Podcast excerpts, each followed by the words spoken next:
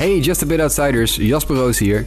Jullie zullen wel denken, hey, dat is niet de juiste intro-tune die ik gewend ben. En dat klopt, want tijdens het afmixen van de eerder vandaag opgenomen show kwam er ineens breaking news binnen. Namelijk dat Robinson Cano, de tweede hongman van de Seattle Mariners, betrapt is op het gebruik van een door Major League Baseball verboden middel. En hij heeft een schorsing van 80 wedstrijden om zijn oren gekregen. Nou, daar moeten we natuurlijk even op reageren. We kunnen niet, niet een podcast eh, eruit gooien zonder dat we daar een reactie op hebben. Dus voor een eerste reactie op dit nieuws heb ik even aan de lijn Sport Amerika MLB contributor Nick D'Alessi. Hey Nick, top dat je even tijd voor ons hebt. Hi Jasper. En je hebt een nieuwe mic, dat is ook heel prettig. Dat, uh, dat zullen de mensen die jou vaker in de podcast gaan horen ook waarderen. Het, uh, het nieuws is nog heel vers uh, omtrent Robinson Cano. Maar wat kan je ons op dit moment vertellen over deze kwestie? Ja, er komen allerlei verhalen naar buiten. Natuurlijk, het eerste verhaal was hij is gepakt op pets, alle headlines, pets. Dus performing enhancing drugs. Nou blijkt het toch iets genuanceerder te zijn. Hij heeft een uh, medicijn naar zijn zeggen geslikt. Furosemide. En dat wordt dan onder andere gebruikt bij hartfalen of vochtophopingen. Um, dat zegt hij gebruikt te hebben. Dat hij dat heeft gekregen van een dokter in de Dominicaanse Republiek. Uh, daarop is hij ook uh, positief getest daar. Tijdens de off-season al. en hij heeft onlangs besloten om het beroep te laten vallen. Denk je dat, dat be, het, het, de keuze om het beroep te laten vallen iets te maken heeft met het feit dat hij een paar dagen geleden ook al zijn hand brak en de, de DL opging? Ja, de timing is natuurlijk wel super handig. Hij zou er sowieso al zes weken uit liggen. Nu 80 games, ja. Je verliest wel de mogelijkheid op uh, playoffs. Mochten ze dat halen eindelijk weer eens, dan doet hij daar niet meer aan mee. Maar inderdaad, uh, de timing is wel erg toevallig. Ja, ik, uh, ik denk dat hij dat weer heel goed uitgekiend heeft. Hey uh, Nick, wat betekent dit voor Cano's carrière? Denk je dat er vanaf nu anders naar hem gekeken wordt? En dan kijk ik ook vooral even met een schuin oog al enkele jaren in de toekomst. Uh, als hij misschien 3000 base haalt en, uh, en een mogelijke nominatie voor de Hall of Fame op zak heeft? Ja, dat zagen we natuurlijk met Alex Rodriguez al toen hij records bleef zetten na, die, na, na betrapt te zijn. Dat het toch niet overal even welkom wordt gereageerd op hem. Um, ik denk zeker dat dit uh, invloed gaat hebben. De Hall Fame tot nu toe staat nog niet echt open voor de, voor de PAD-users. Ja, en Cano zal nu gewoon ja, ordinair in dat rijtje worden geschoven. Zeker als je nog bedenkt, kijk, dat wat hij gebruikt heeft is een zogeheten, zogeheten masking uh, agent. Dat betekent dat hij, de MLB vermoedt dat hij iets probeerde te verbergen met deze medicijnen. Mocht hij alleen dit medicijn hebben gebruikt, dan was daar niet zo'n schorsing op gekomen. Ja, en dan je probeert het ook nog te verbergen en dan kom je met zo'n halfslachtige statement. Ik denk zeker dat dit uh, zijn Hall of Fame kansen en ook de, de, de reacties van de fans in de stadiums uh, gaat beïnvloeden. Ja, ik vond het heel opvallend dat hij in zijn statement zei dat, dat hij er wilde benadrukken dat het geen performance enhancing drug was. Nee, dat is inderdaad wel zo, maar wat je precies wat je zegt, het is een middel waarmee je dus het gebruik van andere medicijnen kunt verbergen, doordat je ze sneller uitplast, zeg maar. En dat is ook de reden dat Major League Baseball het, het middel op de verboden lijst heeft gezet. Ik, uh, ik vind het uh, erg slordig voor zo'n prof. Ik geloof niet dat dat een toevalligheidje is. Maar misschien ben ik uh, een beetje bevooroordeeld door de, de jaren van dopinggebruik die we hebben door moeten maken. Maar los van, van Robbie Cano hebben de Mariners natuurlijk wel een beetje probleem. Want ze hebben natuurlijk al Gordon Beckham opgeroepen uit AAA. Een paar ja. dagen geleden om, om zijn plek in te nemen toen bekend werd dat hij zijn hand gebroken had. Maar is Gordon Beckham nu ook de oplossing, denk jij, voor de rest van het jaar voor de Mariners? Nou, dat twijfel ik aan. Kijk, ze hebben natuurlijk in centerfield nog die Gordon staan, die een aardig uh, tweede hong kan spelen. Um, ik zou misschien verwachten dat ze die naar het tweede hong gaan schuiven, nu het toch wel langer termijn is. Uh, en anders denk ik aan uh, een Brandon Phillips bijvoorbeeld, om dat gat op te vullen. Het is in ieder geval een grote klap voor de Mariners en hun hoop in een toch al zo zware divisie. Ja, nee, daar heb je inderdaad een goed punt. Ze kunnen natuurlijk die Gordon daarheen schuiven. En outfielders heeft deze organisatie uh, redelijk veel. Uh, het is alleen in de minor league verder uh, doodstil als het op infielders aankomt. Dus het, het zou niet zo'n slechte move zijn, denk ik, als ze die Gordon naar het tweede honk schuiven. Hey Nick, dankjewel voor je rapid reaction op deze kwestie Cano. Dankjewel dat je eventjes tijd had om hierop te reageren. Um, en dan gaan we nu uh, ja, rechtstreeks door naar de, de echte, de hele aflevering van, uh, van Just a Bit Outside. Die ik eerder vandaag opnam met Justin. Veel plezier. Today, I consider myself the luckiest man on the face of the earth. Wouldn't you consider it privilege to associate yourself with such a fine looking man? Here is Junior at third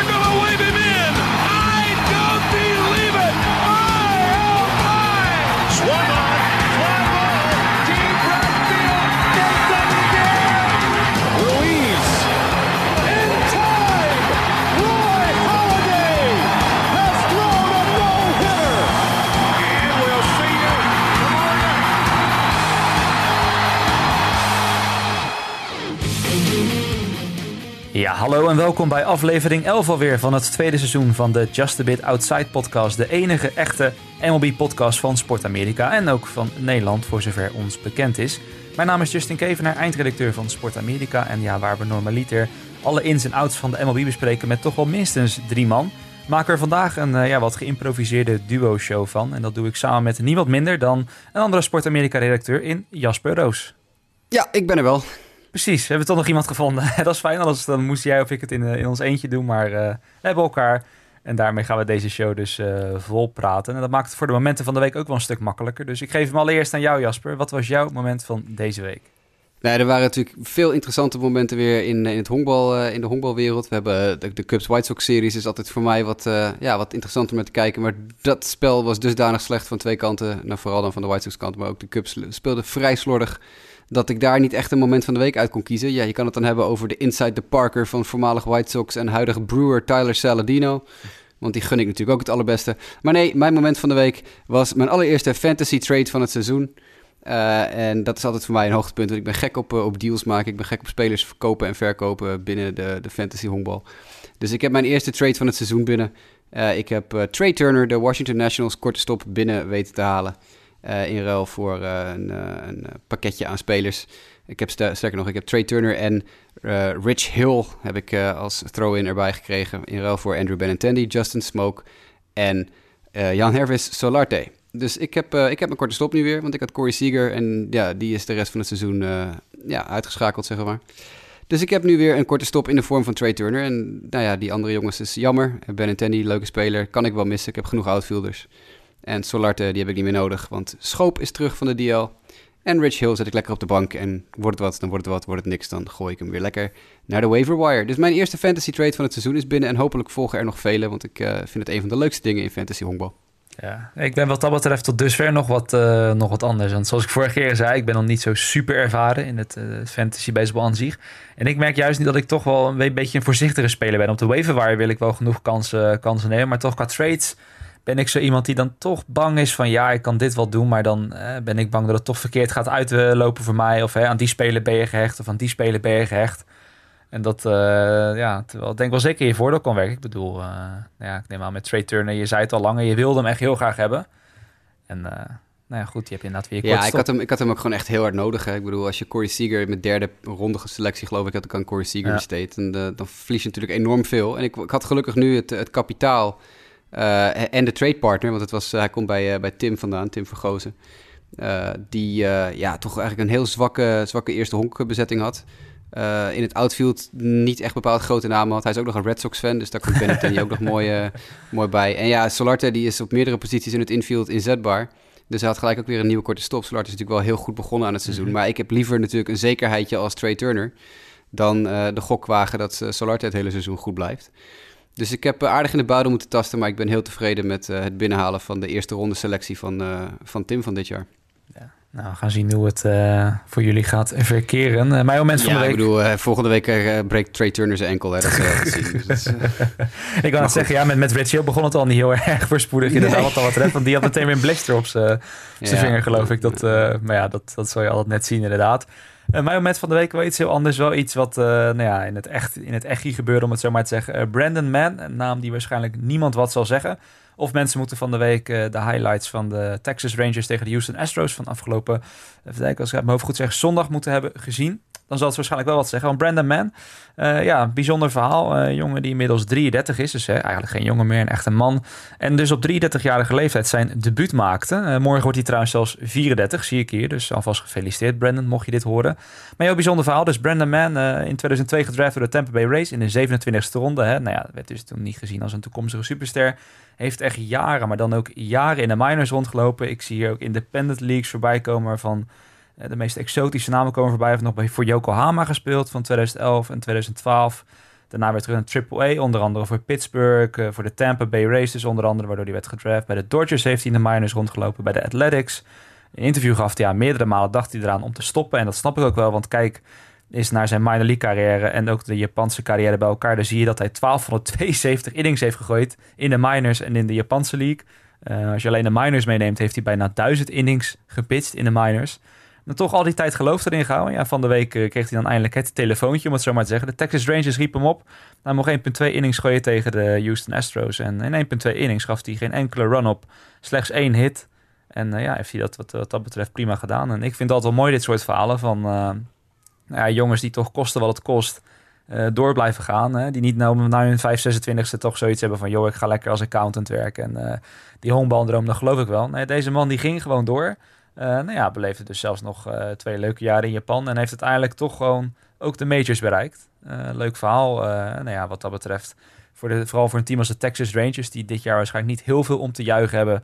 zijn dit dan wel toch wat leuke verhalen die er bij dat team vandaan Doet me een beetje denken aan die, die film The Rookie met uh, Dennis ja. Quaid, geloof ik. Die uh, ook zo'n zo'n 35-plusser, dan nog ouder nog, die op het allerlaatste moment met de Tampa Bay Rays, geloof ik, nog een, uh, een kopje koffie in de majors mag, mag drinken. Verder een hele sappy film, een hele, ja, een typische Amerikaanse Hallmark honkbalfilm. Maar wel, ja, wel vermakelijk, de rookie. dus ja, meneer Mann is misschien ook wel een beetje een soort van de rookie dan. Ja, ja dat is sowieso. Nu kan zitten denken. De Texas Rangers zijn sowieso wel een team wat daarvoor, die, die zich daarvoor lenen. Ik kan me herinneren, vorig jaar was ook nog een jongen van ik geloof van, van 30 jaar. Ik zie hem even hier niet tussen staan bij, geloof ik, de Major League spelers van dit jaar. Dus dit jaar zou die er dan waarschijnlijk niet meer bij zitten. Maar het was geloof ik ook een jongen die uh, 30, 31 was of zo. En die ook ineens toen twee, drie starts mocht maken eh, later in het seizoen. Dus ja. Ja. die, uh, die scouten daar blijkbaar op. Ik weet niet of het de beste methode is, maar nou ja, het is in ieder geval leuk voor de jongens dat ze zo hun kans krijgen in de majors. Juist, en lifetime uh, healthcare. Hè? Zodra je één wedstrijd in de majors hebt gespeeld, heb je voor je leven lang... Ja, dat heeft de MLBPA, de Players Association, ooit onderhandeld. Op het moment dat je één keer een wedstrijd hebt gespeeld, heb je voor je leven lang gratis ziektekostenverzekering. Dus Kijk, dat is uh, waren die voor de jongens ook wel ja, waren die duizend innings in de minors dan nog ergens goed voor, inderdaad. Nou, precies, ja. oh, dat is wel mooi. Nou ja, goed, uh, laten we van dat debuut dan meteen maar naar het nieuws gaan en naar een heel ander debuut gaan. Een best wel veel besproken debuut eigenlijk. Op een vrijdagavond tussen de Dodgers en de Reds. Want ja, daar was Matt Harvey ineens. Uh, nou ja, toevallig heb ik uh, ondergetekende er vandaag, terwijl we dit opnemen, een verhaal over geschreven van Matt Harvey. De Rise and Fall, als het ware, van The Dark Knight. Uh, iedereen die daarin geïnteresseerd is, uh, zou ik zeggen, lees dat. Maar ja, Matt Harvey dus ineens in het grijs en rood van de Cincinnati Reds. Ik vond het een vrij treurig gezicht, Jasper.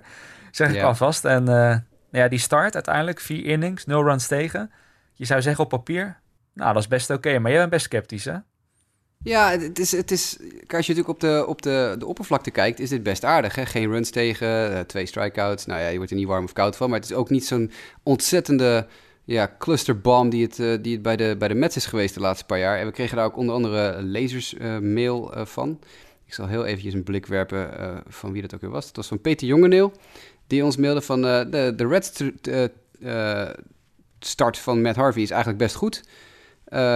ik heb erg genoten van zijn debuut. Zijn pitches waren van wat ik zag ouderwets goed. En bij tijd en wijle tikte hij weer de 96 mijl per uur aan. Uh, mijn voorspelling is dat de aanzienlijk lagere druk, het warmere klimaat en de aanpassing in zijn mechanics met goed gaat doen. Wat denken jullie? Nou, Peter, ik vind het ontzettend fijn voor Matt Harvey dat hij in jou weer een, een fan heeft gevonden. En dat jij uh, ook Lionel's Reds nu een, een, warm hart toedraagt.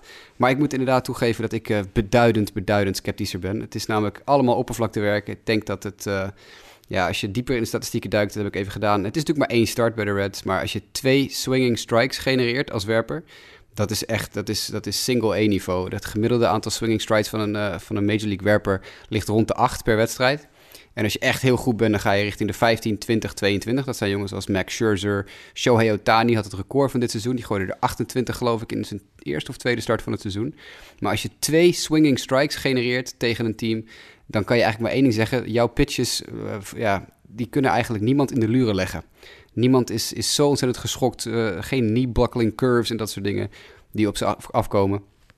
Dus ja, ik kijk daarnaar en ik ben dan ja, eigenlijk heel, heel sceptisch. Het is leuk voor hem dat hij redelijk goed begonnen is bij zijn nieuwe club. Dat geeft ook een beetje hoop bij de Reds. Maar ik geloof hier helemaal niet in. Ik denk dat hij uh, zijn volgende start of de start daarna of de start daarna... Uh, bij een tegen een echt een beetje goed team echt ongenadig op zijn sodomieten gaat krijgen. Dus ja, geniet ervan zolang het kan. Want uh, dit is allemaal, zoals ze dat zo mooi zeggen in Amerika, smoke and mirrors. Ja. Nou ja, ik had dus een beetje hetzelfde inderdaad. Want toevallig, ik schreef dat fout toen inderdaad. En had ik even de eerste start teruggekeken. Mij vielen dan vooral die twee strikeouts op. Nou ja, toen voegde jij dat nog toe. Hè, van nou, kijk eens naar die, die swinging strikes. Dat dat echt absurd laag is. Uh, nou ja, ook aan dat op zich kan je dan zeggen. Het is maar één start. Maar ja, het is in ieder geval wel één start waar misschien toch bij de onderliggende statistieken niet heel veel ja, hoop uitspreekt, zeg maar. ja, aan de andere kant, het kan misschien alsnog wel helpen dat hij dus inderdaad in Cincinnati pitcht.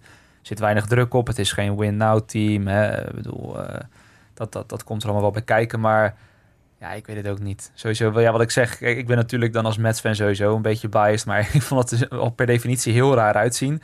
Om daar ineens zo te zien in dat uh, Cincinnati Reds uniform. En ja, ik, ik zie het ook niet echt in als een uh, project dat heel succesvol gaat worden. Vooral, hebben dat bedoel, het Great American Ballpark is een, is een park wat nou voor werpers niet heel erg gunstig gezind is. Daarnaast ook nog eens. Dus dat, dat kan ook nog eens een, een rol gaan spelen. Misschien is dat dan wel meteen een mooi bruggetje naar iets heel anders. Hè, terwijl we de verrichtingen van Matt Harvey de komende weken gaan volgen. Want dat is Scooter Jeanette, een jongen die we toch wel vaak, waar we vaak een beetje lacherig over hebben gesproken. Ook uh, vorig jaar, toen met Lionel weet ik nog vaak, die, die moesten toch wel om lachen elke keer als we weer over, als we weer over zijn scooter begonnen. Van, uh, nou ja, wat jongens, uh, het zegt toch genoeg dat dat onze ster is als het ware, naast Joey Vado.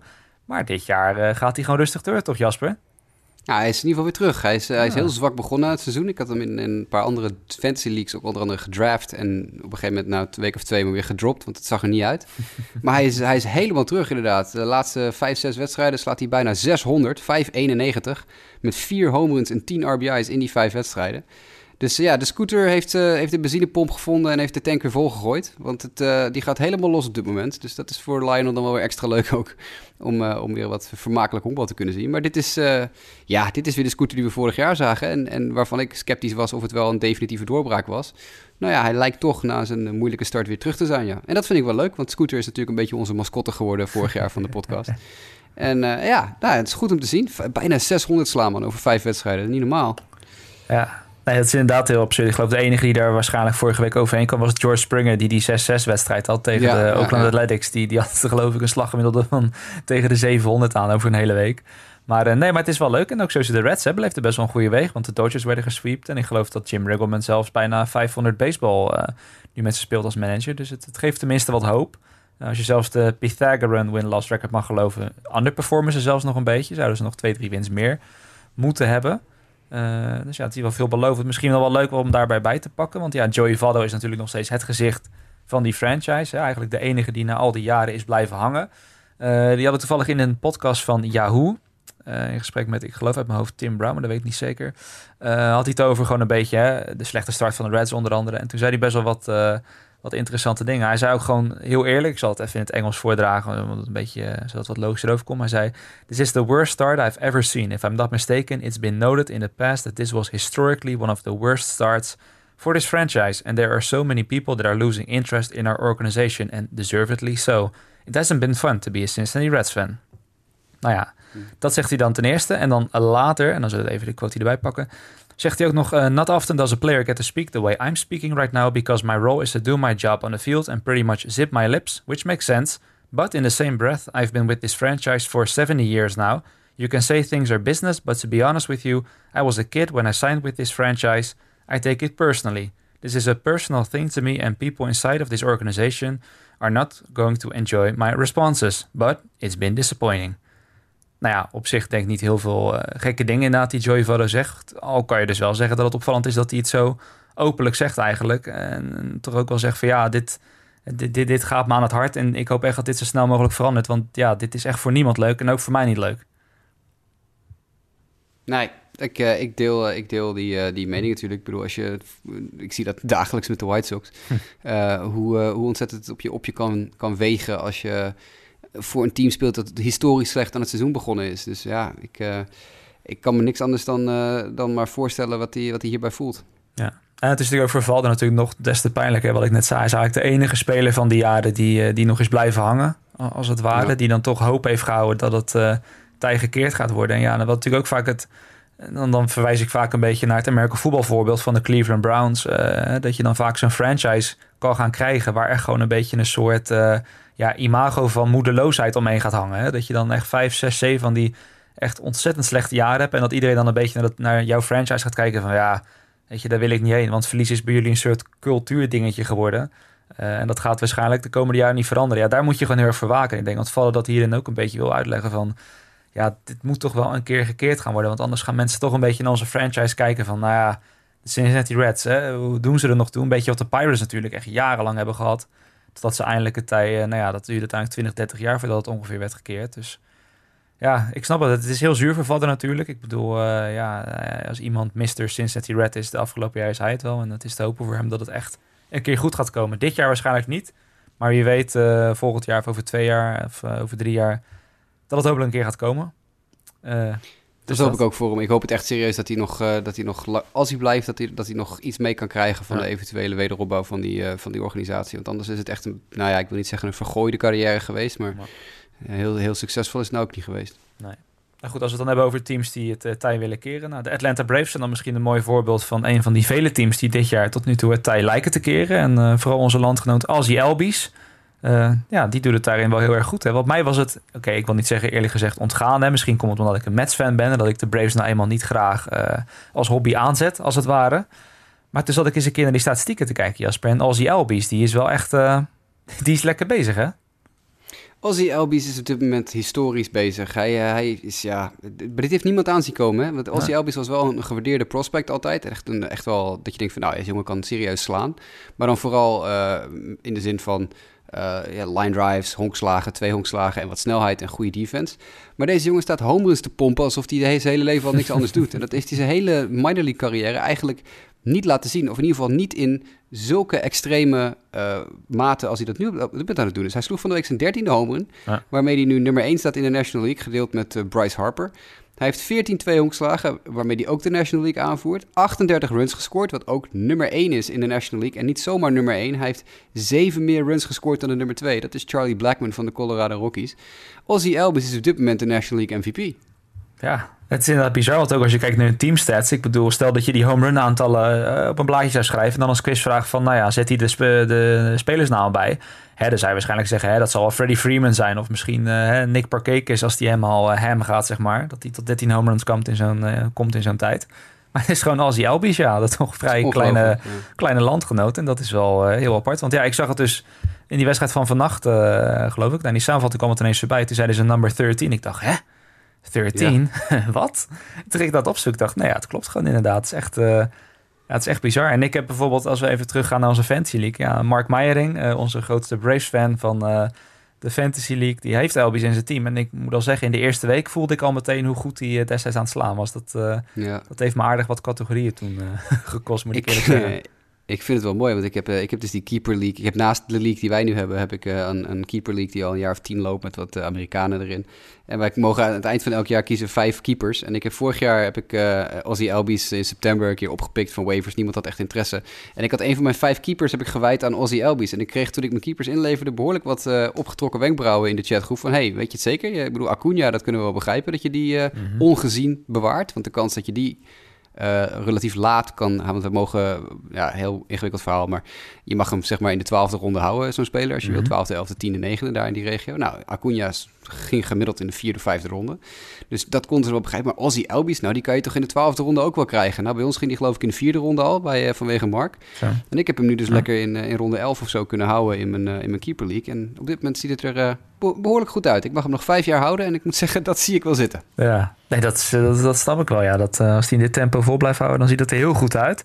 Uh, van Elbies dan naar een, uh, een, andere veelbelovende jonge speler. Of althans, uh, hij heeft het tot dusver pas in één wedstrijd laten zien. Maar Freddy Peralta, een werper van de Milwaukee Brewers, had van de week zijn debuut. En ja goed, ik had nog niet echt eerder van hem gehoord. Maar goed, Jasper, jij bent onze prospect watcher, dus je had waarschijnlijk wel van hem gehoord. Maar in ieder geval, ja, zijn debuut, dat loog er niet om, hè? Nee, dit is, dit is een extreem goed debuut. Dit is, ik, ja, je zegt, ik heb ongetwijfeld van hem gehoord. Ik, ik heb even terug zitten bladeren in mijn archief van mijn, uh, van mijn prospect watches en zo. Om te kijken of ik daadwerkelijk van hem gehoord had. Ja, ik had van hem gehoord. Kijk. Ik had hem nummer 9 in, uh, in de top 10 van de, van de Milwaukee Brewers deze ronde. Uh, en dan ja, heb ik een heb ik hem erin gezet onder het mom van Freddy Peralta is weer een prototype Sport America special. Want dat zijn mijn favoriete werpers die ik altijd in dat soort dingen gooi. Veel strikeouts. Heel veel strikeouts. Meestal als ik die lijstjes maak, dat is even een inkijkje in, uh, in hoe ik die dingen doe. Ik kijk heel veel minor league. Ik heb een MILB televisiepakketje en zo. Maar ik kan natuurlijk niet alle minor league teams kijken. Dus soms dan zit ik gewoon even door zo'n statspagina te scrollen. Als ik mijn top 10 aan het maken ben. En dan heb ik zoiets van, nou, ik heb nog een plekje over uh, van, voor een speler. Wat, wat lijkt mij nou een leuke speler die bijvoorbeeld bij MLB.com of bij Baseball America of zo nog niet in de top 10 staat? En toen kwam ik dit jaar kwam ik uit bij Freddy Peralta. Ik had hem, uh, ik had hem in de top 10. Uh, toen, toen ik de lijst maakte, dat was ergens in december of zo. ja, december, januari. Toen had MLB.com en uh, baseballmerken hadden hem niet in de top 10 staan. Nou, ik had nog een plekje over, dus ik dacht, nou, maakt niet uit. Ik, uh, ik gooi Freddy Peralta in mijn top 10, want ik ben gek op werpers met heel hoge strikeout aantallen. Dat klinkt heel stom, maar we hadden het net bij Matt Harvey over die, uh, die swinging strikes. Werpers tegenwoordig, ze kunnen niet succesvol zijn als ze niet ontzettend veel strikeouts gooien. Want er worden zoveel hard contact gemaakt met de bal. Dat op het moment dat je geen staf hebt wat, hebt wat knuppels kan missen dan, dan ben je gewoon dan ben je ten dode opgeschreven. Dus ik heb voor Freddy Peralta gekozen op plek 9 van de top 10 van de Milwaukee Brewers. Tussen Tristan Lutz en Mauricio Dubon in, voor de mensen die dat uh, interessant vinden. Het zullen er heel weinig zijn, maar goed, ik, zeg het even. Uh, en heb ik dus opgeschreven, prototype Sport America Special. Veel strikeouts, heel veel strikeouts. 169 in 120 innings, om precies te zijn. Dat is een ongelooflijk aantal. Ja, dat is echt uh, dat is, dat is een van de, van de hoogste strikeout pitchers in de minors. Nou ja, met die strikeouts kwamen vorig jaar ook wat, uh, wat vrije lopen. 62 in die uh, 120 innings. Dus één walk ongeveer per twee innings. Maar had een 2,63 ERA in Single A Advanced en Double A. En ja, ik schreef dat hij een behoorlijke stap heeft gemaakt richting elite status. Nou, dat heeft hij dus blijkbaar ook in één keer doorgetrokken naar de majors. Want wat je al zei, ongelooflijk debuut van de week. 13 strikeouts in 5,2 innings pitched fascinerend. Het is, het is een jongen waarvan ik niet had gedacht dat hij nu al die sprong zou kunnen maken. Hij is pas 22, net 22. Hm. Uh, en had zijn, uh, zijn start in AAA uh, Colorado Springs. Dat moet bijgezegd worden, dat is Pacific Coast League. En daar vliegt de bal van de knuppel af. Dus dat moet je altijd met een korreltje zout nemen. begon hij met een, een 3,89 ERA, wat natuurlijk niet slecht is. Maar ook niet heel goed, maar wel 46 strikeouts in 34 innings. Dus die strikeouts die zijn er nog steeds. Zijn walks zijn er ook nog steeds. Altijd ongeveer de helft van zijn aantal innings pitch. Dus altijd 1 per 2 of zo uh, loopt hij wel. En dat is het enige nadeel, een klein beetje van uh, waarom ik een, heel klein beetje mijn adem inhoud voor Freddy Peralta. Ik hoop dat hij ontzettend succesvol wordt. Ik hoop dat hij een fantastische carrière tegemoet gaat. Want die minor league strikeout nummers die zijn ongelooflijk. Hij heeft dus ook ongelooflijke staf. Maar uh, die walks, hij heeft af en toe heeft hij geen, geen idee waar het heen gaat allemaal. En als hij dat een klein beetje onder controle kan houden, dan hebben we hier een potentiële nieuwe superster aan het firmament. En had ik, vind ik het een hele goede zet van de Brewers dat ze hem opgeroepen hebben. Maar ben ik niet zeker van of het, of het zijn, zijn uh, ontwikkeling gaat, gaat tegenhouden. Dat hij dus over twee wedstrijden of zo de bal ontzettend op zijn neus krijgt, uh, figuurlijk gesproken. Mm -hmm en, uh, en een beetje terugvalt. Maar in potentie is dit een, een hele, echt een, echt een ballsy move van de Brewers. We hebben deze 22-jarige gast, waarvan ja, niet, relatief weinig mensen hebben van hem gehoord. Meteen huppakee voor de leeuwen gooien en hem dan zo'n start zien maken. Ik, uh, dat zijn de moves die, uh, ja, die je als club die in de running wil zijn voor een playoffs plek moet maken. Ja, nou, erg, uh, wat mij vooral opviel, ook erg klein postuur, toch? Uh, ook voor een, uh, voor werp. Het is niet echt een imposante, zeg maar, imp imposante nee. werp die daar komt te staan. Het is een hele kleine... Nou ja, klein hij, is, hij is 1,80 meter. 1,80 meter. Dus, ja. dus hij is niet super groot, maar ook niet, niet heel klein hoor. 1,80 meter, daar kan je nog steeds wel mee, mee komen. Maar je ziet steeds meer werpers die wat langer worden vanwege natuurlijk hè, die downward angle die je wil mm -hmm. hebben. Je wil je, je pitches van zo hoog mogelijk naar beneden gooien. Meer angle krijgen aan je, aan je ballen. Ja, goed, en dat is bij Peralta natuurlijk wat minder het geval. Maar ja, goed, ik bedoel, dit is, uh, dit is een jongen die, uh, ja, ja dit, dit wordt lachen, man. Hij, hij, moet nog 22 worden, joh. Over, over een maand wordt hij 22. Hm. Dat is, dit soort debuten, die zie je niet heel veel. Nee. Nou ja, het is alleen dat wel de vraag, want ik denk als ik het goed heb begrepen, was hij wel zeg maar een invaller voor Chase Anderson. Die, ik weet niet precies wat hij heeft, of hij koorts heeft of griep of zo. Zeg voor je dat hij een illness heeft en dat hij op de 10-day disabled list daarom staat. Uh, ik geloof dat hij daarvoor een start maakt. En dan is het dus de vraag, nou ja, als Chase Anderson terugkomt, willen ze dan Peralta erin houden? Of zullen ze dan inderdaad zeggen van, joh, uh, we sturen hem weer even terug. Uh, we gaan verder werken met, nou ja, wat jij dan zegt, met de eventuele zwaktes die er dan nog in zitten. En zou jij een, een, werper die 13 strikeouts gooit in 5 innings terugsturen naar de minors? Ik zou het niet doen, nee. Maar ik, nee, zag, ik, ik zag het toevallig geloof ik inderdaad ergens, zag ik het al voorbij komen dat dat een optie zou nee, kunnen nee, zijn. Maar ja, het, is, klopt, het klopt dat hij inderdaad voor Anderson ingevallen is. Maar die, uh, die uh, Brewers rotation, daar hebben we het in de preseason ook nog over gehad. Dat is niet bepaald het sterkste punt van die club. Nee. Terwijl ze wel een vrij goede offense hebben en een goede defense. Is die, die pitching, uh, zeker de rotation, is, rammelt behoorlijk. Ik denk dat de Blues gek, gek zouden zijn als ze, als ze Ik zit er te kijken, inderdaad, nu, nu ik dit zeg. Inderdaad zie ik dat je Julius Chassin daar nog steeds een uh, vaste waarde is in die, uh, in die rotation. En met alle respect voor Julius Chassin, maar ik denk dat daar toch wel een beetje het plafond van is bereikt inmiddels. dus, die, die uh, schuif je lekker naar de boepen of die, of die, die zet je weg. En ik, hoe zit, heb je de rest van de rotation ook voor je? Ja, ik zie hier Brent Suder zit er ook nog in. die heeft ook niet echt heel erg denderend... Nee Ja, Junior Guerra zit er dan in. Nou ja, die is dan, die is dan wel goed bezig. Zach Davy staat dan op de disabled list, dus die kunnen ze voorlopig ook niet inzetten. Uh, nee, dus ja, dan heb je het wel zo'n beetje. Wade Miley staat inmiddels ook op de disabled list, maar dat was ook denk ik niet echt iemand waarvan ze hadden verwacht dat hij heel het jaar uh, op een topniveau zou halen. Dus nee, in dat opzicht, ik ben Alle het met je eens. Freddy Peralta inderdaad, ja. Ik ben okay. om. Gewoon erin houden. En, en helaas hebben we in de podcast over hem gepraat. Dus ga ik uh, waarschijnlijk uh, keihard outbid worden op de, in, de, in de Fantasy League. Want ik had wel me voorgenomen om een stevig bot te gaan doen op meneer Peralta. Maar goed, nu heb ik uh, aan plan publiek zitten vertellen wat een ongelooflijke strikeout rate die gozer heeft. Dus dat kan ik wel weer vergeten. ja, nou ja, wat ik zei, voor mij in ieder geval geen, voor mij in ieder geval niet te vrezen. Ik heb laatst al Romero van de Minnesota Twins opgepikt. En op zich zit ik nu wel prima met mijn werpers, denk ik. Dus ik zou je voor deze gelegenheid dan, uh, dan met rust laten. Dat, uh... ik, uh, ik, ik ben van de week ook al gesniped weer door, door Nick, onze co-host van vorige week, Nick D'Alessi, die net zo slim was als ik om alvast even in te gaan zetten op Alex Reyes van de Cardinals, die in zijn eerste rehab start 12 strikeouts gooide en 100 mijl per uur aantikte en zo. Ik denk, nou mooi, die drie weken, vier weken voordat hij van de DL komt, ik pak hem wel op, ik zet hem wel op de DL en heb ik tegen die tijd heb ik een, een ace erbij. Maar Nick D'Alessi heeft weg met twee of drie keer zoveel dollars, heeft hij er uh, hetzelfde plan gehad. Dus nou ja, goed, dan kunnen we gelijk het sprongetje wel maken naar Reyes. Want ik had hem ook in de, in de outline gezet, juist daarom. Ja. De Cardinals gaan wel een boost krijgen, denk ik, uh, als Reyes over een paar weken terugkomt. Want die, die zag er weer ouderwets goed uit. Komt natuurlijk terug van Tommy John-operatie vorige week, uh, vorig jaar, vorig ja. jaar maart. Uh, en uh, ja, 12 strikeouts, 100 mijl per uur. Dit lijkt alsof die gozer uh, nooit gestopt is met pitchen. Nee, nou ja, het kan natuurlijk vooral de divisie. Hè? Ik bedoel, het zit momenteel echt super dicht bij elkaar daar. Ik bedoel, op het moment dat we dit opnemen staan de Cardinals geloof ik tweede.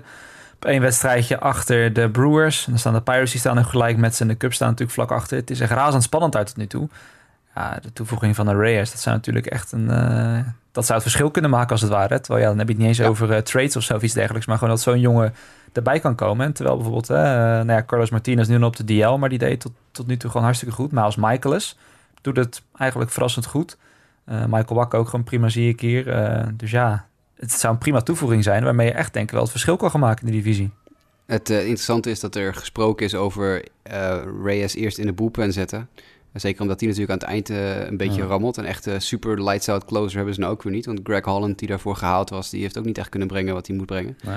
Maar ik denk dat er wel een plekje voor hem in de rotation gemaakt wordt. Zeker als je ziet hoe hij nu in de minors behandeld wordt. Hij gooit gewoon uh, als starter uh, elke wedstrijd. Dus nu is het een kwestie van hem uitrekken, stretchen en, uh, en zien hoe, uh, hoeveel innings hij kan gooien. En dan is er vast wel een plekje voor hem in de rotation. Ja. Dan hebben we weer een, uh, een nieuwe vlammenwerper erbij. Ja, precies. Vraag is alleen dan wel ja, of er moet iemand geblesseerd raken. Want jij zou zeggen, misschien op papier zou Adam Wainwright dan misschien nog de meest voorname kandidaat zijn om de uit te Die halen. is al op de DL geplaatst weer. Dus dat, oh, die is inmiddels al op de DL geplaatst. Ja, ja, dat zou dat goed kunnen. Maar anders zou dat misschien op papier, als je kijkt naar hè, dat ze toch wel met Waka en Weaver, Martinez wel wat jonge, veelbelovende werpers hebben. Uh, Michaelis dan, die tot nu toe gewoon prima doet. Dus ja, waarom zou je die eruit halen? Als Wainwright een beetje de alt-man out, mocht iedereen van die vijf stemmen fit blijven. Het is alleen hoe, de... oud is, hoe oud is Wainwright nou? Die is 53 of zo? Ja, 36, bijna, bijna. nou ja, maar dat dat is, dan. ik heb dan altijd wel zoiets van, ja, zouden ze dat dan zomaar doen? Uh, ja, ja, het lijkt tuurlijk. me wel, als het moet, dan moet het. Maar het is natuurlijk wel een beetje Ja, dan jammer voor te Wainwright. gooien, man, die Ja. gozer. Dat is, het, is echt, eh, het is niet om aan te zien wat hij gooit. En hij heeft dus overal last van. Heeft, nu heeft hij weer last van zijn elleboog. Dus da- daarom is hij weer shut down vanwege het feit dat hij, eh, die elleboog weer begint te rammelen. Ja, de, de- die, die is al jaren op, joh. Dat, dat, dat is Ja. hartstikke mooi wat hij allemaal bereikt heeft en gedaan heeft voor die club. Maar die, als ze slim zijn, zeggen ze gewoon... hey, wil jij pitching coach worden of zo in de minor league? Want het is hoog tijd dat je gaat stoppen met honkballen. Nou ja, Dat nu je gewoon, kijkt eh, naar zijn onderliggende statistieken, zie je het ook wel. Hij heeft een 4.00 ERA dan tot nu toe. Maar eigenlijk zou het meer richting een 5.59 moeten zitten. Precies. Zie ik, hij heeft 1.83 whip, eh, veel meer walks dan de rest. Ook de minste strikeouts van de hele rotation. Dus ja, dat, eh, dat is inderdaad wel klaar, vrees ik, voor Adam Wainwright. Maar goed, we gaan het zien. Alex Reyes, het zal waarschijnlijk nog even duren. Maar als hij erbij komt, dan wordt het heel interessant om te volgen. Iets anders wat ook heel interessant is om te volgen, dat is de strijd in de AL West. Want ja, de Houston Astros, die zijn een beetje aan het stuivertje wisselen met de Los Angeles Angels. En deze week, op het moment dat we dit opnemen, hebben ze al inmiddels al één wedstrijd tegen elkaar afgewerkt. Waarbij het voordeel weer bij de Angels ligt. Dus eh, ja, het is heel interessant hè, Jasper, die, eh, die top van die divisie. Ja, het is, eh, het is heel spannend. En we hadden natuurlijk van tevoren wel eh, aangegeven, in, ook in de voorspellingen, dat de Angels wel heel erg veel verbeterd waren. Maar met de, nou ja, ik wil niet zeggen trage start van de Astros, want het is niet zo erg als de Cubs vorig jaar nadat ze van een, eh, een kampioenschap afkwamen. Maar eh, dit is wel, dit is leuk, dit is spannend. Dit, is, dit maakt die divisie eh, Zeker met de Mariners, die het natuurlijk ook wel beter doen dan zeker ik van tevoren gedacht had. Het maakt het best wel een leuke, ineens een leuke, leuke divisie. Het viel mij op van de week dat, dat uh, El Tuve nog niet zo heel erg lekker aan het warm draaien is. Die staat wel met een hoog slaggemiddelde te slaan, maar heel weinig power en heel weinig andere zaken. Ja, dat merkt mijn fantasy team ook inderdaad, ja. Ja, ik heb, ik heb hem ook ergens, ja, in, ergens in de keeper league of zo. Dus die is nog een beetje, beetje moeilijk, moeilijk begonnen. Dus misschien als die uh, de eerste versnelling intrapt, uh, wordt het wat beter. Ja. Maar dit is, ja, dit is een leuke divisie. Van de week ook weer Andrew Heaney met, uh, wat was het, was het zondagavond? Heaney met 10 strikeouts of maandag? Ja, klopt ja. nou, als die fit kan blijven, hebben ze daar ook een keer, hebben de, hebben de Angels weer een goede pitcher erbij. Ja. ja, ja, de boepen blijft een probleem natuurlijk bij de Angels. En ook de Astros boepen is nog niet echt bepaald de allerbeste aller tijden. Maar wel goed genoeg om mee te kunnen. Dus dit is ja, spannend, leuk. Het is echt, echt een leuke divisie. Ja, het is wat je zegt. Ja, die Boepen is misschien alleen het enige, enige zorgkindje. Want een Kenya Middleton, die dan de, de, de closer eigenlijk moest worden. Uh, al snel, vrij, snel weggevallen met blessure. Nu weer op de DL met de elleboogblessure. En nou ja, ik ben dus niet de medisch specialist hier. Maar volgens de volgers en experts uh, van de Amerikaanse voetbalwereld... zou het waarschijnlijk tot een Tommy John gaan leiden. En daarnaast las ik dus ook in een artikel, dat was toevallig van afgelopen week. Dat was geloof ik toen ze net een walk-off las hadden tegen de Twins, als ik het uit mijn hoofd goed zeg. Uh, dus dat is waarschijnlijk donderdag of vrijdag geweest. Toen hadden ze de meest getaxte boelpen, oftewel de boelpen die het zwaarst belast is tot nu toe. Uh, nog meer dan de Padres. Uh, nou ja, de Padres zijn daarentegen een team dat het dus heel moeilijk heeft. En de Angels staan ondanks dat nog steeds best wel goed voor. Maar ja, dat kan dus best wel een probleem gaan vormen. Want ik bedoel, Cam Bedrosian, Blake Parker, dat soort jongens hebben toch nog steeds niet het topniveau wat toch van ze werd verwacht. Oké, op zich, ERA's zien er nu wel oké uit. Maar ja, ze zijn in het verleden wel een stuk beter geweest, laat ik het zo dan zeggen. Uh, Jim Johnson is dan ook nog steeds, hè, die, die oude Jim Johnson die dan overal maar weer opduikt als, uh, als stand-in closure, die is er dan ook weer bij. Uh, Justin Anderson, dat is een beetje met vallen opstaan, wat jongere werper, die ze ook nu afgelopen nacht voor de leeuw hadden gegooid om zijn eerste save te pakken, wat ook met, nou ja, wat ik dus net zei, vallen opstaan ging. Dus ja, dat is een beetje het, het probleemkindje. Maar goed, als die rotation, die op zich dan op papier er best wel leuk uitziet, met de Heaney, met Otani natuurlijk, hè, laat het niet vergeten, afgelopen week weer een home run erbij. Eh, ook op de heuvel gewoon weer een hele goede start gehad, eh, waardoor zijn team won. Uh, nou ja, dan ziet dat er best wel oké uit. Alleen ja, mocht die bullpen te zwaar belast worden, ja, dan is dat natuurlijk wel iets waar de Astros denk ik wel op de lange termijn een voordeel aan hebben. En natuurlijk ook wat je net zegt, de Mariners en zelfs de Athletics eigenlijk. Want als je bedenkt, de Athletics hebben van de week dan wel drie keer verloren van de Astros. Maar staan maar vijf wedstrijden achter de Angels. Ik bedoel, dat is toch ook best wel ja, die doen het beter dan we dachten, maar ik, ik denk niet dat dat uh, haalbaar is voor het hele seizoen. Nee, ik denk niet dat die zich echt kunnen gaan, gaan mixen in die, uh, in die groep van, van teams die meedoen voor de divisie. Nee, nee, dat lijkt mij nou ook niet. Maar goed, het is toch opvallend dat zij zich tot nu toe in ieder geval wel redelijk ja. in weten te mengen. Maar ik denk Zeker. inderdaad, mocht alles zo gaan lopen als we verwachten. Uh, nou, op zich is het al een beetje anders gelopen. Want wij dachten echt, de Astros die gaan naar fluitend uh, met die divisie weglopen. Maar dan zal het waarschijnlijk wel tussen de Angels en de Astros gaan. En dan wordt het gewoon heel erg spannend wie dat uh, op de lange termijn... Ja, wie er waarschijnlijk ook. Blessures gaan er in een rol spelen inderdaad. En uh, het wordt gewoon heel erg boeiend om, om te volgen. Nou is het wel goed dat we het over blessures hebben. Normaal hebben we hier Mike voor, maar... goed, we hadden net Reyes al behandeld in ons soort van eigen korte blessureblokje. Ja, AJ Pollock uh, die uh, moet hier helaas ook weer behandeld worden. Het is misschien wel goed dat Mike ten eerste. Die had misschien wel een huilen uitgebarsten, denk ik. Want uh, ja, hij is, hij is weer geblesseerd. Het is ongelooflijk, want het doet hartstikke goed tot nu toe. Maar ja. hij is weer geblesseerd. Elk jaar, elk seizoen is het wel een keer raak. Ik geloof dat Pollock de laatste vier, vijf jaar geen moment, geen heel jaar fit is geweest. Maar ook echt langdurig weg is geweest telkens. Ja. Nu gisteren weer uh, naar die Inside the Parker van Tyler Saladino. Hij duikt op die bal. Dat was een van de redenen dat Saladino een Inside the Parker kon halen. Want hij miste die bal gewoon. Maar viel op zijn pols, ver, eh, verrolde of verknakte of verdraaide zijn pols. En, uh, en is weer uit de wedstrijd gehaald. Nou, lijkt het op zich op dit moment niet heel erg te zijn nog. Dus het zou kunnen zijn dat hij gewoon even een paar dagen rust krijgt en weer, uh, en weer terugkeert. Maar ja, die jongen raakt altijd geblesseerd. Het is echt niet normaal meer. Dat is... Dat zou de opvolger moeten zijn geworden bij de Diamondbacks van Adam Eaton. Nou ja, goed, die is de laatste anderhalf jaar ook alleen maar aan de lopende band geblesseerd. Dus blijkbaar is daar, uh, is, zit daar een soort van, uh, van verband in of zo. Maar uh, nee, dit is... ja, zo jammer. Hij is, hij is, goed begonnen. Ik ben, ik ben niet de grootste AJ Pollock fan meer. Want hij heeft me die twee of drie jaar hiervoor... dat hij telkens uh, vet zwaar geblesseerd raakte... of helemaal niet presteerde... had ik hem in mijn keeper league. Nou, toen heb ik hem dit jaar maar gedumpt. In ruil voor Ozzy Elbies. Maar dat, uh, goed, dat is, nee, ik, ik, uh, ik zou het leuk vinden als hij een keer wat langer fit bleef. Dat we echt een keer kunnen zien wat hij kan bereiken als hij, uh, als hij gewoon fit is. Ja, nou ja, de Meeten is trouwens ook wel een goeie, want die hadden we hier niet eens staan. Maar die is uit mijn hoofd, als ik het goed zeg, ook afgelopen week op de 60-day DL geplaatst. Dat, hij heeft een, een scope-operatie aan zijn enkel gehad. Hij heeft natuurlijk vorig jaar zijn, zijn kniebanden afgescheurd. En die revalidatie is verder vrij goed verlopen. Maar toen zijn ze er onlangs achter gekomen dat hij een, ik geloof een los botje of een los iets dergelijks in zijn, uh, in zijn voet vlak bij zijn enkel had.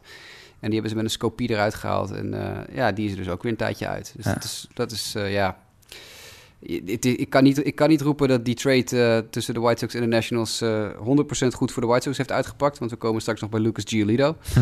Maar tot nu toe denk ik dat de White Sox nou, redelijk tevreden zijn met, uh, met deze ruil. Want uh, Eaton is nog niet fit geweest sinds hij naar, naar Washington is gegaan. Nee, want dat is inderdaad het ding. Als die, als die speelt en fit is, dan zet hij over het algemeen uh, ja. mooie dingen neer. Maar als hij niet speelt, dan moeten ze nu alweer een aantal paar weken met Michael A. Taylor in het outfield spelen. Die dan toch ook wel voor heel veel frustraties zorgt. Want de ene week ja. is het ook, is het echt alles. En de week later, dan raakt hij niks meer. En dan ja, heb je er ook gewoon totaal niks meer aan.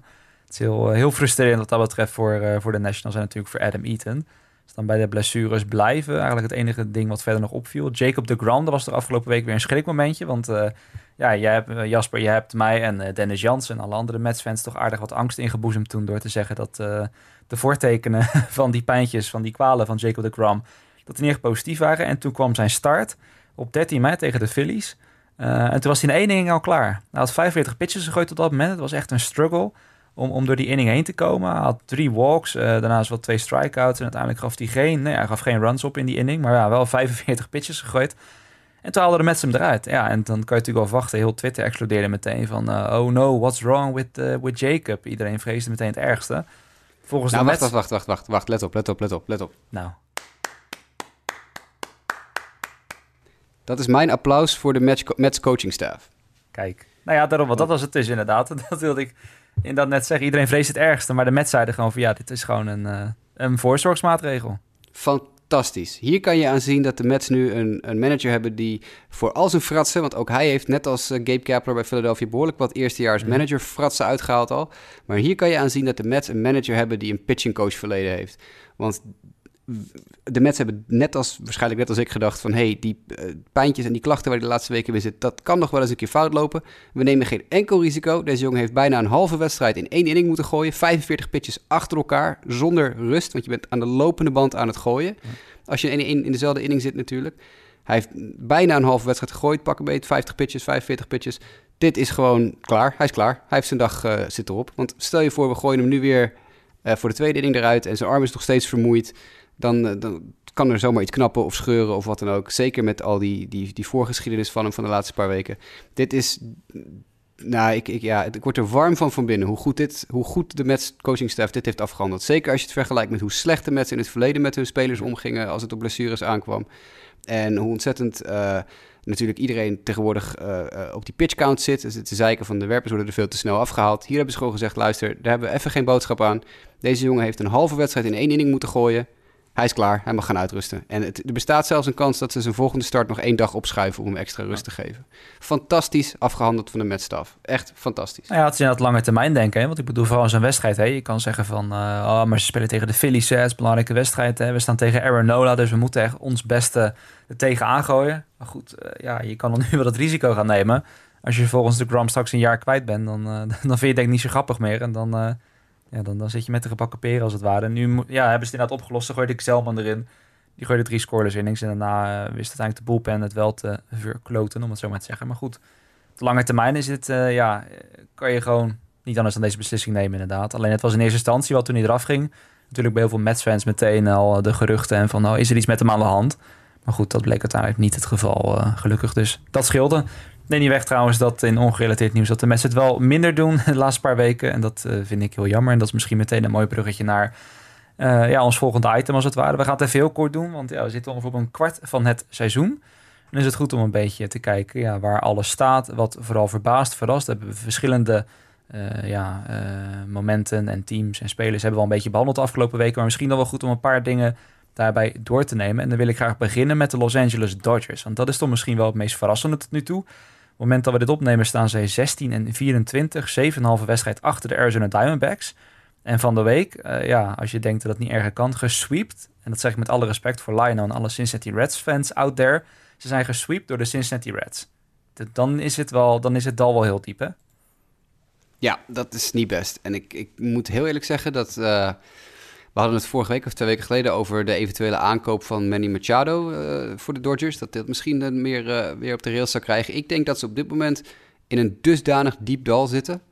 Dat er bij de Dodgers niemand is die ook maar één moment nadenkt over het aankopen van Manny Machado. Want er is zoveel mis met dat team op dit moment. Dat één aankoop van één speler niet gaat gaat, gaat repareren wat hier eigenlijk aan de hand is. Want dit is denk ik een van de grootste decepties tot nu toe eh, van een team in de recente geschiedenis. Want dit team was echt nou, praktisch ongewijzigd na vorig jaars uh, World Series trip. En nu dit. Ja, natuurlijk hebben ze blessures. Natuurlijk missen ze Seager, ze missen Justin Turner, Rich Hill. Kershaw is geblesseerd, maar toch, dit, is, dit, is, dit rammelt aan alle kanten.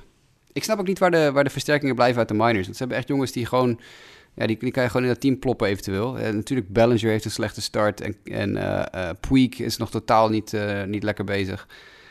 Kemp dan weer wel. Met Kemp lijkt ineens weer op een honkballer. Dat is wel, wel weer verrassend. maar nee, dit is, dit is een deceptie dit. Een, echt een enorme deceptie. Ja, ja, en ik zit ook vooral te kijken. Ik bedoel, er was ook vooral aan het begin van het jaar de bullpen die echt uh, ontzettend zwak was. Ik bedoel, zoals Kenny Jensen deelde Kenley, die malaise ja, natuurlijk. Dat, uh, nou, inmiddels is het alweer een beetje rechtgetrokken, geloof ik. Uh, maar goed, dat was natuurlijk van begin erg opvallend. En ja, nou verder inderdaad, als dan zo'n Corey Seager inderdaad wegvalt, nou ja, en Turner is er nog niet bij.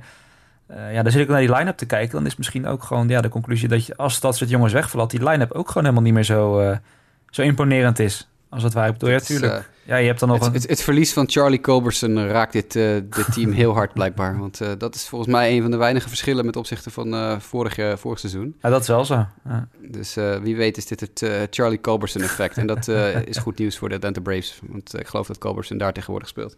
Ja. Nou ja, maar ook gewoon, ja, als je verder dan kijkt naar de statistieken, hè, toch Cody Bellinger, oké, okay, het is zeker niet slecht, die statistieken, maar het is toch niet zo wereld zoals dat het vorig jaar was. Dus het lijkt dan allemaal toch een beetje... Ja, als de een in een slamp zit, dan volgt iedereen. En dan kom je er heel lastig uit, zo lijkt het. Maar dit is inderdaad niet een team wat momenteel... Want ik had dus één wedstrijd, de laatste wedstrijd was dat toen. Toen uh, Luis Castillo tegen, tegen ze gooide. En toevallig hadden de commentatoren het daar toen over. Van, nou ja, Castillo, hè, papier en werper die het lastig heeft. Uh, en toen zijn Oral Hershiser, die is daar dan de, de co-commentator bij de Dodgers... Die zei ook al van, ja, met de Dodgers de laatste tijd, elke werper die een ERA boven de 5 heeft, hebben ze het lastig tegen. En dat zegt dan ook wel veel dat juist die werpers en die teams en voice moeten zeggen van nou, die moeten ze pakken. Hè? Tegen de kleintjes moet je het altijd winnen, zeggen ze dan. Ja, daar, daar, daar, daar falen ze gewoon tegen. Ook, het was dan Rich Hill tegen Luis Castillo, uh, Luis Castillo en de, de Reds wonnen gewoon uh, vrij eenvoudig. Ja, het, was... het is... Het is uh, misschien is er iets te zeggen voor het feit dat kijk bij Bellinger. Ik, ik, ik ben een heel erg, ik geloof heel erg in, in het principe van de sophomore slump. Dat wil zeggen dat iedere dat een tweedejaarsspeler, mm -hmm. dus mhm. na zijn eerste jaar, kan hij heel goed zijn. En in het tweede jaar stort hij in. Daar heb ik handen vol met voorbeelden van. Spelers die echt uh, een fantastisch rookie seizoen hebben en in, in hun sophomore jaar eigenlijk helemaal van de aardbodem vagen. Nou ja, dat is bij Bellinger natuurlijk niet het geval, maar speelt wel echt veel minder dan vorig jaar. Uh, ik denk dat, dat dat er voor heel veel spelers geldt bij de Dodgers nu misschien, als we er nu iets kritischer naar kijken. Vorig jaar Alex Wood gooide buitenaards voor de Dodgers en is dit jaar goed, maar niet zo goed als vorig jaar. Vorig jaar was het echt een van de beste werpers in, uh, in de National League. Ja. Uh, Kershaw natuurlijk geblesseerd. Uh, Bellinger die niet presteert op zijn niveau. Als je dat allemaal bij elkaar optelt, heb je misschien spelers gehad die vorig jaar boven zichzelf uitgestegen zijn. En dit jaar weer een beetje terug op aarde komen. En dan blijkt dit team misschien toch ineens wat meer gaten te hebben dan we, dan we hadden gedacht. Ja. Ja, dat is dan misschien meteen een mooi bruggetje naar wat anders. Wat ik dan in ieder geval had opgeschreven als opvallend. En dat is natuurlijk de Houston Rotation. Want de Astros uh, ja, als je kijkt naar die rotation, zou ik bijna nog verrassend kunnen noemen dat zij ook maar 26 en 17 staan. Dus je kijkt naar de top van die rotation. We hebben het eigenlijk al vaak genoeg erover gehad. Dus we hoeven niet per se eh, tot in den treuren dit te analyseren. Maar ik vond het wel bijzonder, want als je kijkt naar het American League ERA-klassement, dan zie je daar gewoon uh, gebroedelijk Justin Verlander, Garrett Cole en Charlie Morton ja, op 1, 2 en 3 staan. En ja, vooral met Garrett Cole, het is eigenlijk nog steeds hetzelfde als wat we laatst zeiden. Die strikeouts, het blijft maar gaan. Hij heeft geloof ik al bijna meer strikeouts dan twee jaar geleden toen hij bij de Pirates zat. Uh, in een heel seizoen, wat vrij bizar is. Charlie Morton had er van de week geloof ik ook weer, wat was het, 14 of zo in zeven innings. Ja, ja het is, uh, ze houden maar niet op hè. Er zit, daar, er, zit daar, uh, er zit daar of een genie op de plek van de pitcher coach, of er is iets anders aan de hand. En dan laat ik even in het midden wat er aan de hand is. Maar Dit is uh, ongeëvenaard, Dit hebben we heel lang niet meer gezien. Dit is, dit is ook nog eens een keer een staf, zeker jongens als Morten en Verlander... Die, en, en Keikel, die, die hier dan niet bij staat, maar die ook uh, in het verleden wel gedaan, die lang, die echt diep in een wedstrijd kunnen gooien. Dus dit zijn jongens die, als het nodig is, zomaar ineens 7, 8, soms wel 9 innings in een wedstrijd kunnen gooien. En daarmee natuurlijk die boepen enorm kunnen sparen. Dus op die manier hou je je boepen fris en fruitig. Terwijl je werpers, die startende werpers, het uh, echt fabelachtig goed staan te doen. Dus dit is een recept voor succes, uh, denk ik, die pitching staff daar. Ja. Iets anders, uh, gaan we door naar het volgende. Wat mij dan verbaasde vooral. En ik zit even terug te denken aan onze preview show. Toen kwamen we natuurlijk over de Chicago White Sox te spreken. En ik weet nog, als ik het uit mijn hoofd goed zeg, dat ik en Mike echt best wel op de bandwagon gingen. Namens jou.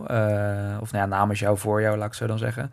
Omdat wij echt wel zoiets hadden van, nou ja, die White Sox, die rebuild, die gaat waarschijnlijk iets eerder los dan we allemaal verwachten. Die gaan komend jaar al vlammen. Die gaan het de Indians het, het vuur aan de schenen leggen als het ware, die divisie. Maar dat, dat valt toch allemaal wel tegen? Valt het jou dan ook tegen of had je je toch wel een beetje mentaal op voorbereid? Uh, dat is een hele moeilijke vraag. Ik, uh, ik had me voorbereid op een seizoen. Ik wist dat dit het slechtste seizoen uit de rebuild zou kunnen worden. Want dat is, uh, als je terugkijkt naar de Astros rebuild, naar de Cubs rebuild, naar de Royals rebuild van een paar jaar geleden. het tweede jaar van de rebuild is altijd het zwaarste. En je kan natuurlijk zeggen, de rebuild van de White Sox is eigenlijk pas dit jaar begonnen. Want vorig jaar hadden ze, zijn ze het seizoen nog begonnen met uh, de supersterren. Mm -hmm. uh, met, met nog een, nou ja, supersterren. Todd Frazier, Tommy Canley, ja. uh, Anthony Swarzak. Allemaal jongens die nog best wel redelijk succesvol zijn in de majors. geweest en ook nog steeds. Um, dus eigenlijk is de rebuild dit seizoen pas begonnen. Maar voor het gemak zeggen we maar even dat de rebuild begon toen Chris Sale en Eaton verkocht werden, twee jaar geleden. Dus dan zou dit het tweede jaar van de rebuild zijn. Dat is altijd het moeilijkste jaar van een, van een wederopbouw. De vraag is alleen, in hoeverre was dit deze start verwacht? Want dit is echt heel, heel, heel erg slecht. 10 en 27 op dit moment. Slechtste start uit de uh, geschiedenis van de organisatie. Wat natuurlijk wel, wel heel dramatisch is. Ja. Um, maar ook gewoon heel slecht honkbal. En ik kijk best wel redelijk wat White Sox, maar het is niet leuk om naar te kijken op dit moment. Het is zo slecht. Het is zo ontzettend slordig. Er worden heel veel fouten gemaakt. Er worden fouten in het outfield gemaakt. Er wordt redelijk geslagen, maar het is heel erg up en down. Uh, het, het, is eigenlijk helemaal niet zo leuk om naar te kijken, stiekem. Uh, en dat is best wel heel moeilijk om te zeggen als fan.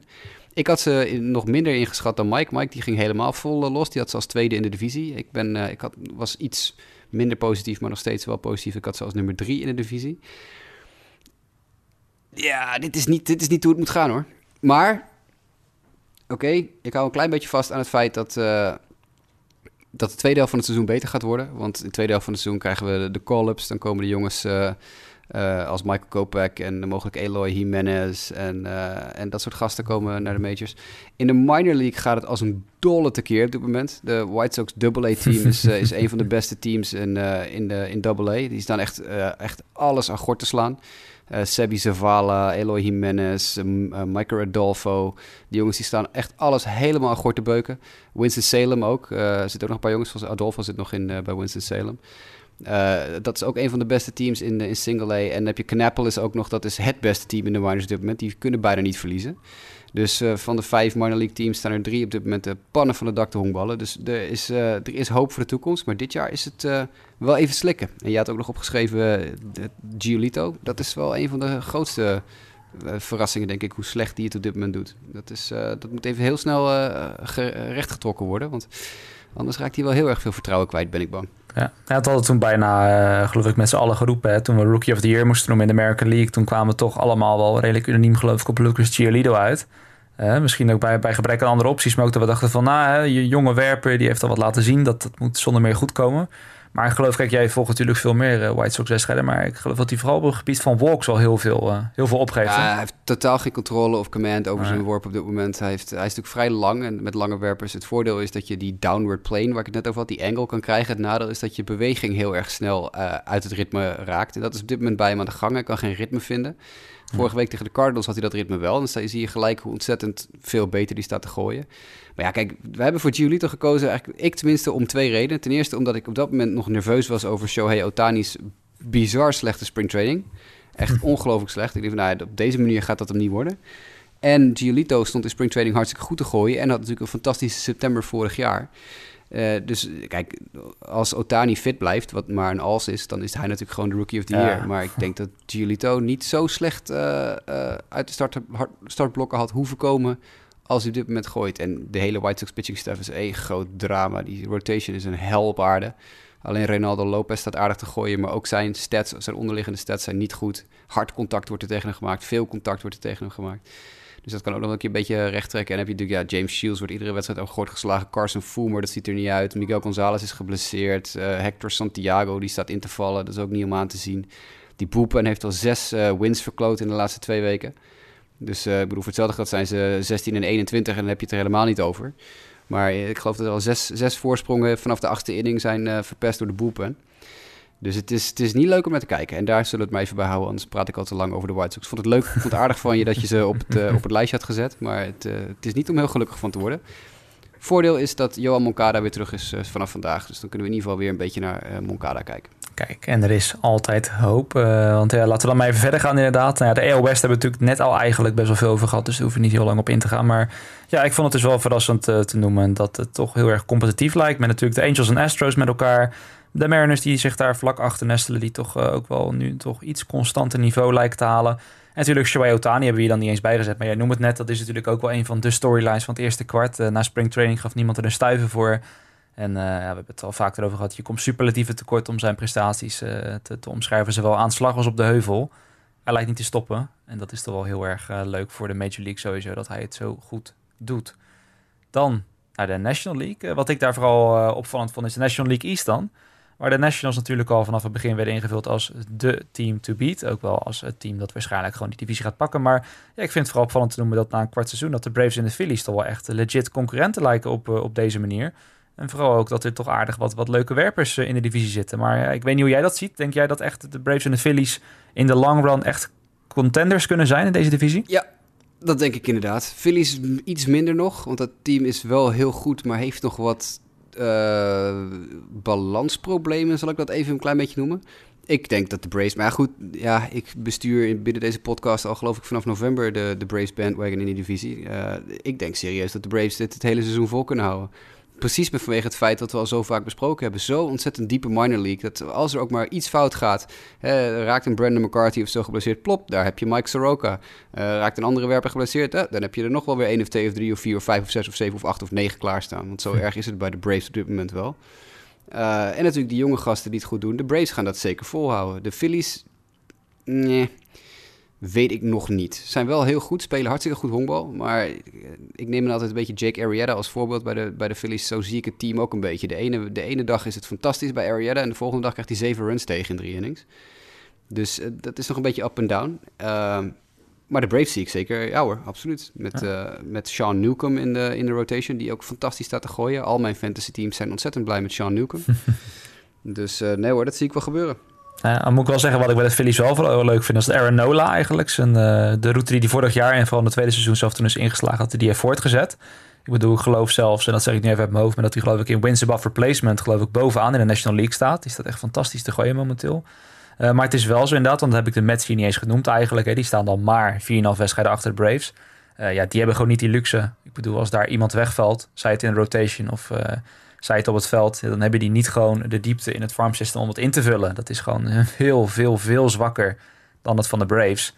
En ja, dat is vooral, vooral nu ze dan ook nog eens eerste staan. En je hebt ook nog eens die luxe. Ja, dat kan natuurlijk wel eens, wel eens een grote rol gaan spelen. En vooral als je dan kijkt, ik bedoel, de Nationals zijn uiteindelijk ook niet immuun voor blessures. Ik bedoel, je ziet al met Eaton die weer wegvalt. Uh, moet het weer zonder doen. Wie weet gaat daar nog meer wegvallen. Ja, dan kunnen de Braves daar denk ik zeker gebruik van maken. En toch de Phillies ik weet het niet. Ik, ik heb er wel een gevoel, goed gevoel bij, maar dat is dan meer gewoon intuïtie en uh, niet echt goede argumentatie die ik daarvoor voor, uh, voor aan ga geven.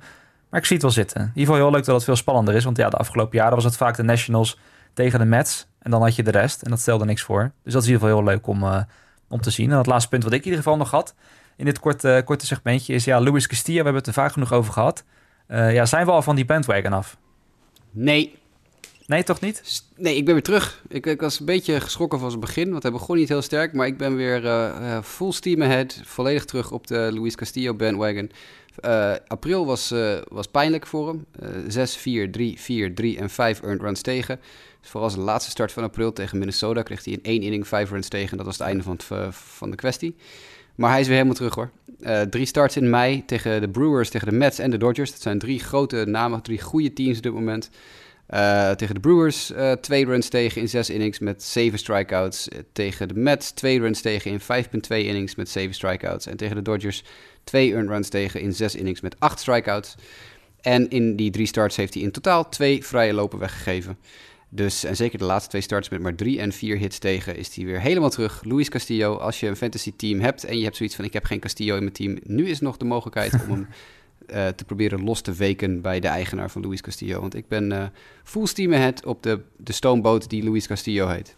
Ja, wat me trouwens dan wel verbaasde, en uh, daar kwam ik trouwens dan pas afgelopen week achter toen ik de, de broadcast zat te kijken, dat Luis Castillo dus uit in Cincinnati is terechtgekomen in ruil voor Dan Straley die richting Klopt, Miami Marlins ging. Ja. Dat ik echt denk van, hmm, achteraf als je daar naar kijkt, dat je denkt van, wat waren ze in Miami denken? En dan kun je dat wel bij meerdere moves in, ja. in Miami afvragen, maar dat ik echt dacht van, wauw.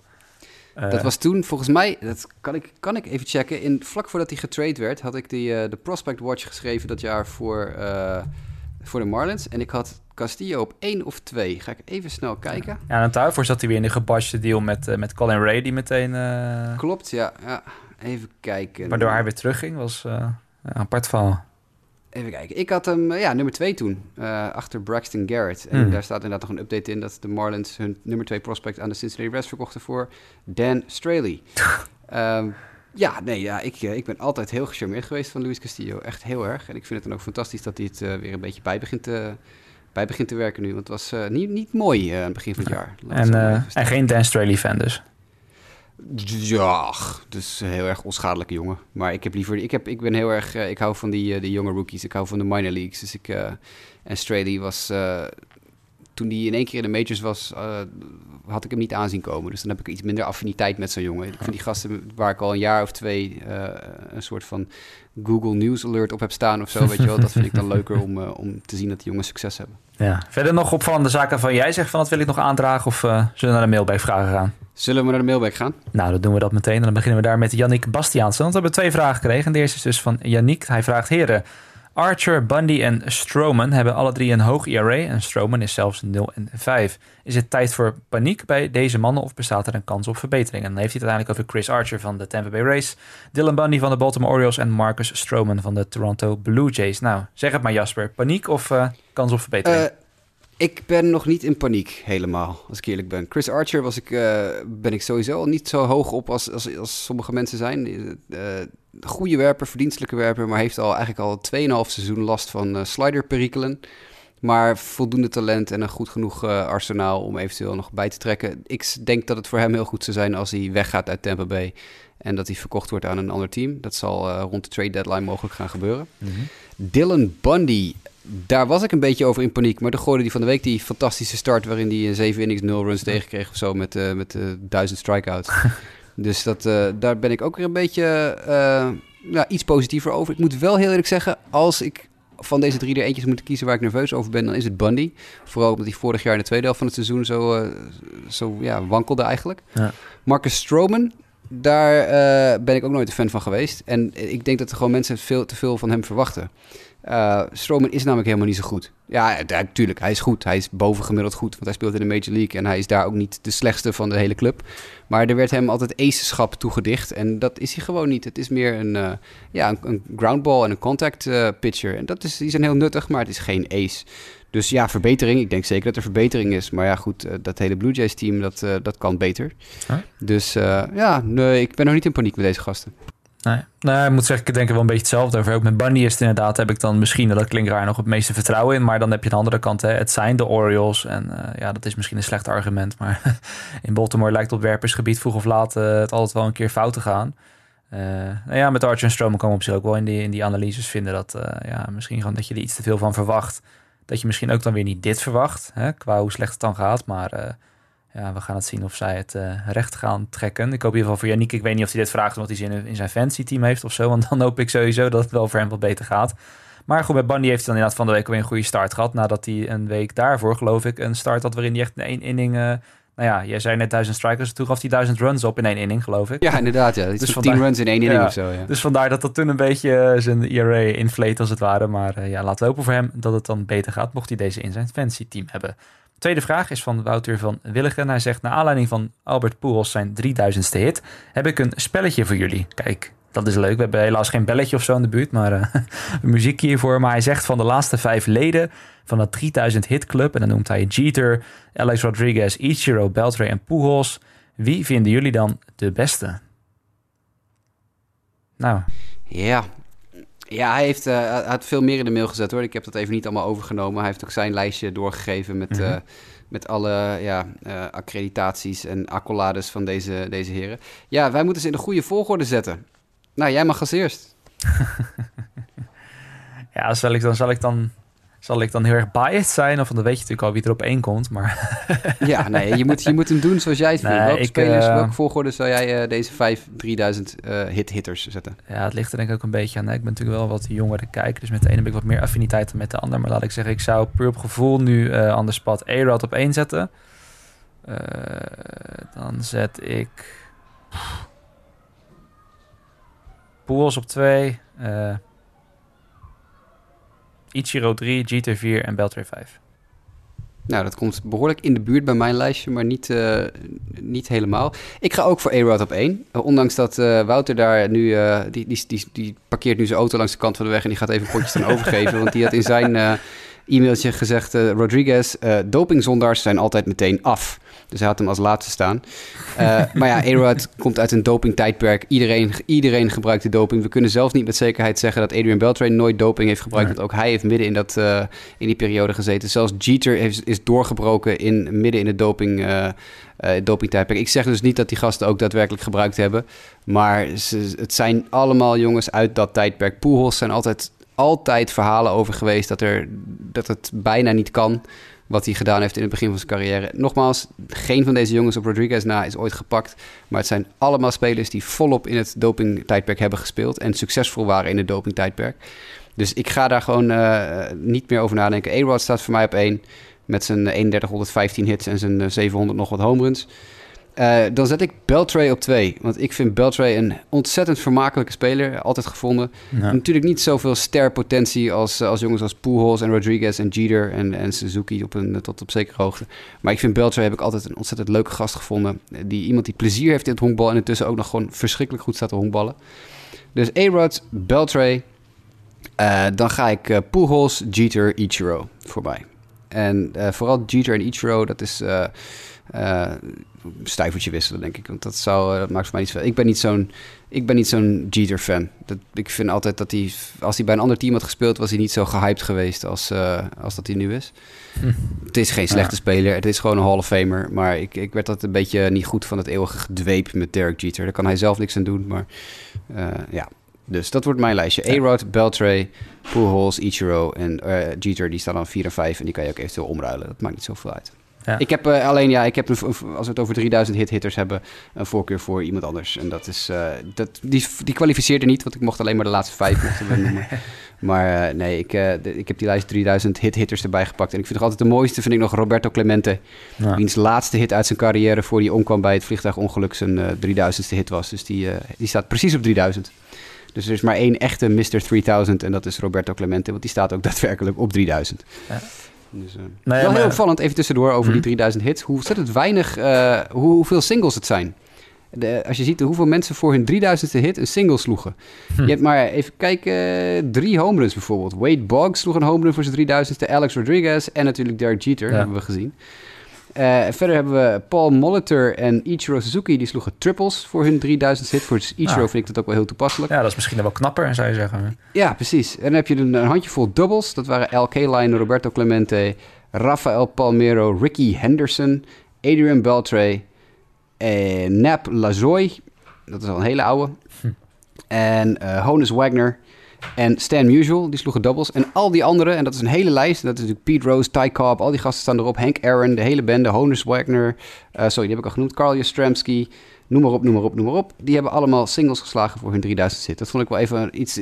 Wouter zijn... Uh, zijn, zijn quizvraagje of zijn, uh, zijn spelletje bracht mij weer op een heel prettig pad. En ik kan altijd heel erg genieten van het, uh, het op, op, zoek, op onderzoek gaan naar dat soort, uh, naar dat soort dingen. En dan soort gekkigheid vinden. Dus wat dat betreft ja, is het wel de moeite waard om eventjes de 3000 hit-hitters nog wat dichter te bekijken. Ja, nou ja het grappige is wel, als dat laatste wat ik nog hierover wil zeggen. Inderdaad, dat je dat met Jeter, dat schoot dus net ook door mijn hoofd. Dat ik dacht van ja, oké, okay, het is een Yankee, maar inderdaad, als hij bij de Reds had gespeeld of bij de Pirates, was het inderdaad ook, was het dan ook zo'n legende geweest. En dan, komt er ook nog eens bij hè, die, die home run die hij dan slaat voor zijn 3000ste hit. Dat staat mensen dan ook heel erg bij van hè, oh, alleen de allergrootste kunnen dat. Hè, dan moet je een hele grote zijn, dat soort dingen. Uh, kijk, absoluut niet dat Derek Jeter een slechte speler was of zo. Dat zijn ook hier allebei niet te verkondigen. Maar het is inderdaad wel dat je kan bedenken van ja, was die inderdaad zo groot groot, als dat iedereen zegt? Of was het gewoon een hele goede speler? Maar niet de allergrootste. Nou goed, dat is natuurlijk weer... Nou ja, het ook statistieken, weet je, die, die weet je vast wel. Die, die flip, die onderhandse flip naar de thuisplaat in die uh, playoff-wedstrijd uh, begin 2000 tegen de Oakland A's. Waar mhm. iedereen dat, oh ja, de Jeter flip dit, de Jeter flip dat. Eigenlijk was die gozer gewoon safe. ik bedoel, er was nog geen instant replay toen, maar eigenlijk was hij gewoon safe. Hij wordt uitgegeven, maar ja. dat, is, dat, is, ook weer zo'n ontzettende, zo'n legendarische play... die dan weer ontzettend uh, uh, ja, gedweept mee wordt door de Yankees-fans... die daar natuurlijk uh, helemaal weg van zijn. Maar het is, het is uh, eigenlijk... Uh, heel veel analytici hebben daar bijvoorbeeld daarna al gezegd... hij maakte de verkeerde keuze, had hem ergens anders heen moeten gooien.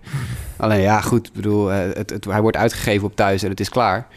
Dus dat soort dingen, dat, dat, dat staat mij altijd een beetje tegen bij Jeter. Maar goed, ik heb het gevoel dat ik Jeter enorm af zit te zeiken. Het is natuurlijk wel Ik wil, ik wil net zeggen, ondertussen hebben we vier, vijf, minstens 15 subscribers verloren... die Yankee-fans zijn en nu zoiets hebben van... Ja. Jezus, wat een, wat een klootzak nee, zijn toch? Kijk, legendarische honkballer, Hall of Famer, einde verhaal. Precies, precies. Maar uh, laten, we, laten we ook vooral niet vergeten dat er nog veel meer andere goede honkballers zijn geweest. Inderdaad, dus alle Yankees-fans out there, en hebben het niet persoonlijk op. Hè? We zijn gewoon kritische volgers en uh, we vinden Jeter nog steeds wel een hele goede speler. Dat gezegd hebbende, uh, ja, zitten we aan het einde van de show. Het werd toch nog best wel lang, zoals duo. verrassend lang moet ik zeggen, ik had het iets korter verwacht. Maar we hebben weer een uurtje vol weten te praten. sowieso Yannick en Wouter, bedankt voor jullie mailback-vragen. Want hebben jullie nou andere luisteraars ook een mailback vragen, stuur hem gerust op naar justawitpodcast.gmail.com op voor de volgende show. Uh, wil je ons bereiken via Twitter, kan het bij mij, jwkev en bij Jasper, jasperroos. Of natuurlijk bij m, mdijk90 voor Mike, die er nu even niet is. Of bij Nick D'Alessi, die de vorige keer was, inickd aan elkaar. Uh, verder at Sportamerika, facebook.com slash sportamerika, de website sportamerika.nl. En dat was dan wel weer het hele riedeltje. Jasper bedankt. Ook alle kinderen die hier op de binnenplaats weer aan het spelen waren. Hartstikke bedankt uh, dat jullie er waren. jullie als luisteraars bedankt en graag tot volgende week.